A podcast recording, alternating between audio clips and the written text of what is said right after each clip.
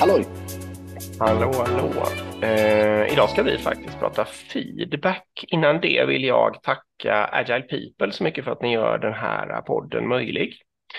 Eh, idag jag något superspecifikt att säga och det är nämligen att, eh, och det är lite, alltså är ni snabba nu så kan ni hänga på den här gången, men det kommer ju fler sådana här. Eh, det är imorgon eh, bitti klockan nio tisdagen den 20 juni. Då är det eh, ett, frukostseminarium eh, digitalt om agil HR. Och då går Agile People igenom vad är egentligen agil HR? Varför behöver HR arbeta annorlunda och vad innebär det för HR att arbeta agilt? Så gå in och anmäl er till det om ni råkar ha en ledig eh, timme mellan 9 och 10 och är intresserade. Ja, feedback. Vad, mm. Är det lätt att få till eller?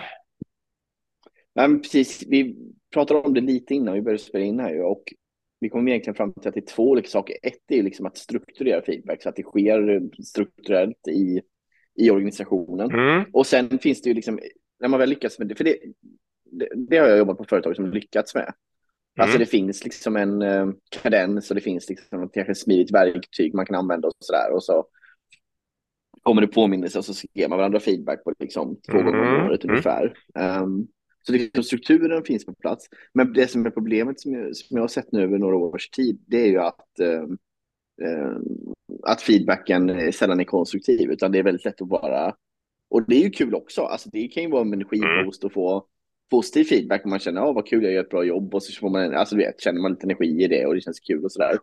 Men det är kanske inte så utvecklande. Det är det som är liksom min mm. eh, farhåga lite, utan det är mer det här liksom att det är lite boost och klapp på axeln eller sådär, men det är inte så utvecklande eller det är sällan det kommer fram grejer som är så här. Ja, men det här ska jag också vilja se att du förändrar eller att du gjorde, gjorde annorlunda. Mm. Ja, vad är din erfarenhet? Alltså, jag ska först och främst säga att min fördom av hur ni kanske jobbar är att ni är lite för bra på den här strukturen, vilket gör att ni kanske gör det lite för ofta och mycket, vilket gör att det kanske, det, det tar nämligen mm. ganska mycket mer energi att ge konstruktiv eller förbättrande feedback. Mm. Eh, så att om man pushar för hårt och för mycket så blir det väldigt jobbigt om man hela tiden ska klämma ur sig förbättrande feedback. Mm. Um, och därför tror jag man, att det kan faktiskt ha ett värde att man inte överdriver uh, det hela, så att säga hur mycket man ska ge. Um, min mm. erfarenhet mm. är att det är skitsvårt att få till sådana här strukturer och jag är dålig på sånt. Um, och att jag kanske ändå är lite nöjd nu. Uh, jag har det i alla fall i varje utvecklingssamtal alltid uh, och mm. en del på one-on-one. Um, och min så här, uh, vad ska man säga, jag har ett knep här faktiskt. Det har jag väl ändå. Jag vet inte om det är en kokbok, men ändå så här att om man vill just få det här att det, det med konstruktiv feedback att hända då gäller det liksom att inte vara för... Eh, det gäller liksom att ställa frågan på något sätt så här att om, eh, Exakt. om du var jag eller eh, finns det någonting som jag, som, du, som jag verkligen skulle tjäna på att göra på ett annat sätt? Alltså, mm. även om den är förbättrande så eh, formulerar man sig i en väldigt positiv kontext. Eh, jag vill ha hjälp. Jag skulle vilja veta hur jag uppfattas. Eller mm. jag, mm. eh, vad skulle jag tjäna på att göra annorlunda tror du? Liksom, jag värderar din uppfattning. Det är sådana där saker som gör att det börjar hända tror jag. Bra, jag håller med.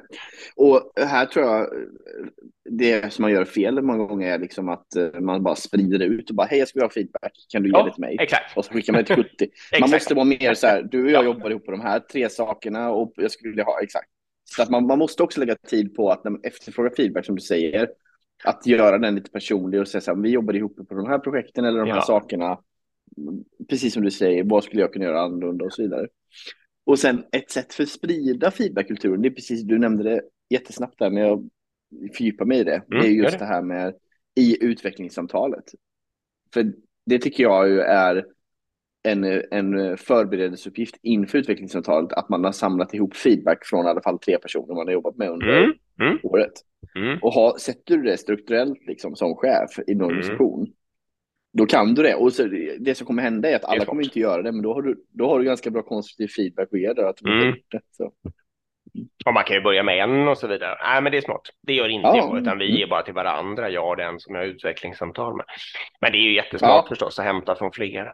Det är ju eh, det, gemensamma bekanta till både dig och mig som jobbar i min organisation har ju sett till att göra det i sin del av organisationen inför lönesamtalet, att alla människor frivilligt mm. får hämta in feedback och presentera den huller om buller liksom som de vill, men ganska brett. Så. Det är ju supersmart verkar det som. Eh, mm. Ja, det var fem. Fem feedbackminuter. Kul. Och kom ihåg klockan, klockan nio morgon bitti, det ligger länk i eh, avsnittsbeskrivningen om ni råkar lyssna på det här ikväll. Ja, in där nu och se att kommer från podden. Det vore kul. Exakt, ja. det vore kul. Bra, tack. Hej.